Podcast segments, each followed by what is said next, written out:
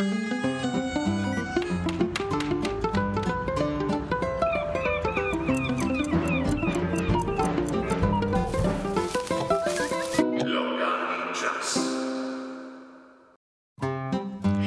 Se tokrat osta, ustavlja v srčju Zasavja, pa še rima se v Trbovljah, kjer se nam pridružuje Karmen Štrancar Rajevec. Karmen, dobro jutro. Dobro jutro vam, ekipi in seveda vsem našim poslušalcem. Beseda pa ne bo tokrat tekla o dogodkih ali načrtih v Zasavju, ampak nas boš odpeljala bližnjim sosedom v Šmartno pri Litiji. Območje, ki sicer ne sodi v Zasavje, je pa del tvojega delovnega območja in nekoliko bolj oddaljen omenjenim uradomlje. Vzrok pa povezava dveh javnih zavodov, kot sem že namignila, Boganšperka in Arboretoma Vovči potok. In tako se je začela ta zgodba, mojca ali veš, kaj je to Garkelc? Ja.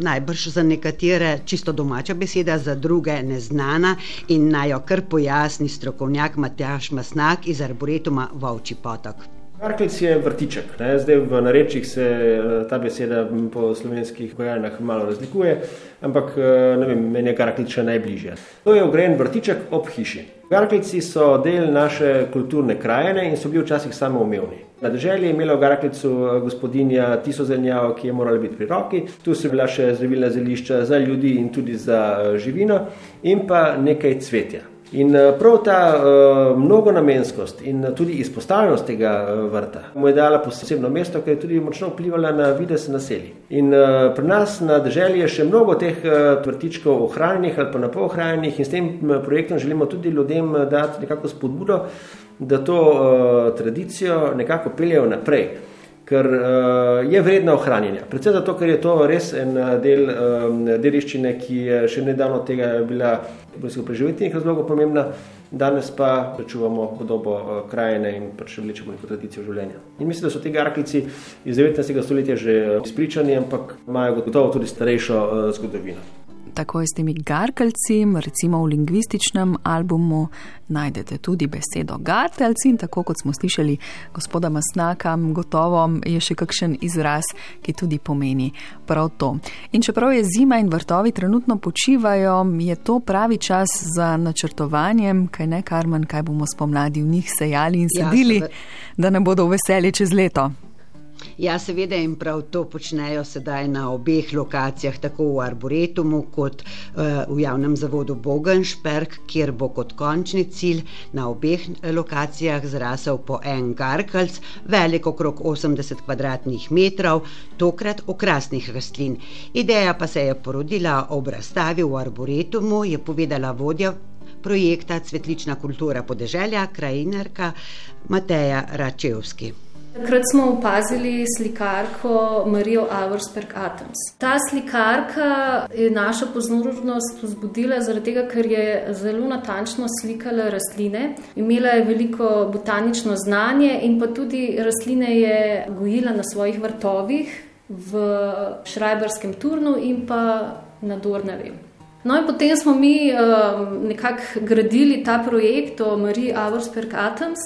In uh, smo si tudi zamislili, da bi te rastline, ki jih je ona naslikala na teh slikah, to je pač uh, druga polovica 19. stoletja, da bi te rastline tudi zasadili na enem od gred v arboritu. Izkazalo se je sicer, da upodobljene rastline ljudje poznajo in jih praktično pa ni več moč eh, nekje kupiti njihovih semen ali sadik, in njihova ponovna vzgoja je eden od ciljev projekta. Da so se povezali z gradom Bogenšperk, pa tudi nekako logična povezava, pojasnjuje Matjaš Masnak. Morda je na prvi pogled malo nenavadno, da smo izhajali iz uh, grofičnih slik in stvar torej potegli na uh, uh, garklece. Ampak stvar je globoko logična, ker grajski vrtovi so bili edini, ki so si lahko privoščili luksus gojiti okrasne rastline. In iz grajskih vrtov so potem vedno cvetlice prehajale, uhajale v, v vrtove po okolici. Tako da to vsebinsko je uh, torej povezano. Uh, greščaki so bili običajno neka, oziroma greščenje neka središča tudi vrtne kulture in potem se je po teh zgledih tudi rastlinstvo širilo naokrog. In tisto, kar bi mi pravzaprav radi tukaj um, nekako dali ljudem spodbudo, da nadaljujejo, je uporaba cvetja iz lastnih vrtov za neke tradicionalne oblike uh, krašenja. Namreč cvetje je bilo včasih del te komunikacije z večjim od nas, ne, se pravi, ko se je krasilo crkve, ko se je krasilo znamenja, skratka v nekem tem duhovnem življenju, so imeli rože zelo, zelo pomembno vlogo.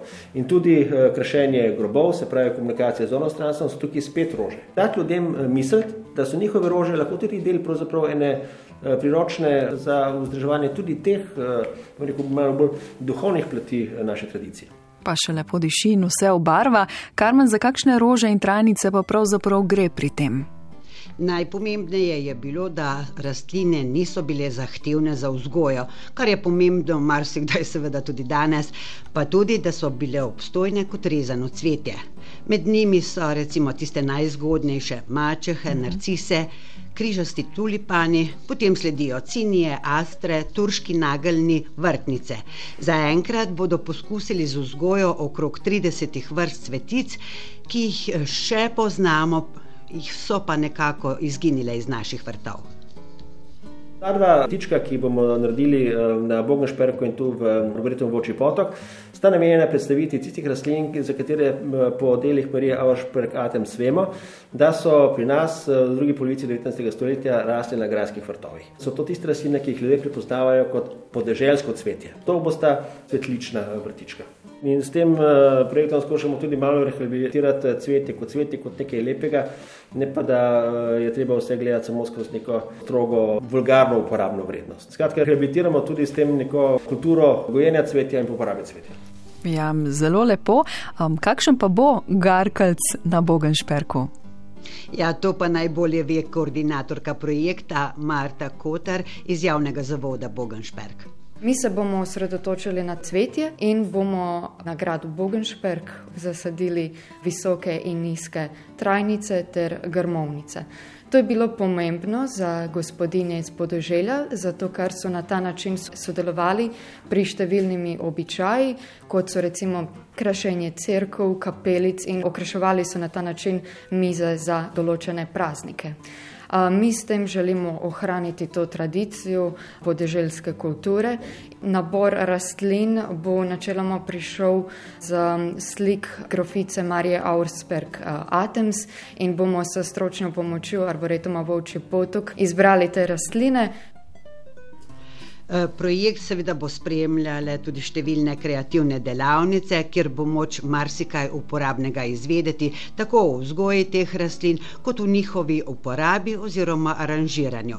V arboretumu si so, so si za cilj zadali tudi vzgojo njihovih sadik in semen in tako nekdaj zelo pogoste cvetice naših vrtov vrniti v njihovo okolje, z njimi polepšati naše vrtove, okolje in seveda naš vsakdan. Ja, tako kot si prej naštela, mačehe, tulipani, cinije, astre, zelo pisano in dišeče. In tudi, kot smo povedali na začetku, zdaj je treba razmišljati o tem, kdaj pa jih bomo lahko občudovali.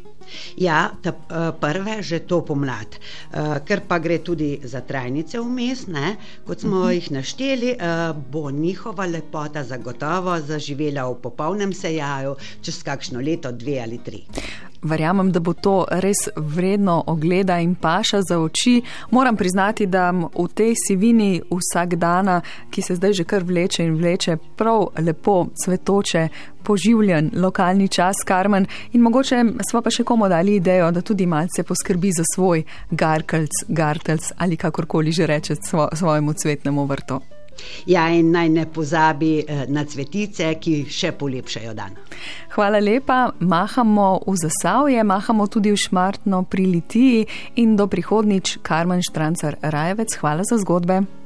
Hvala vam in srečno. Dobro jutro, pet minut do sedmih gremo v Litijo, Magrateja, pot v neznano je pa že znano, na kakšni poti smo mi, na glasbeni poti do druge jutranje kronike, ta pa nas pelje na poti do dogajanja doma in po svetu.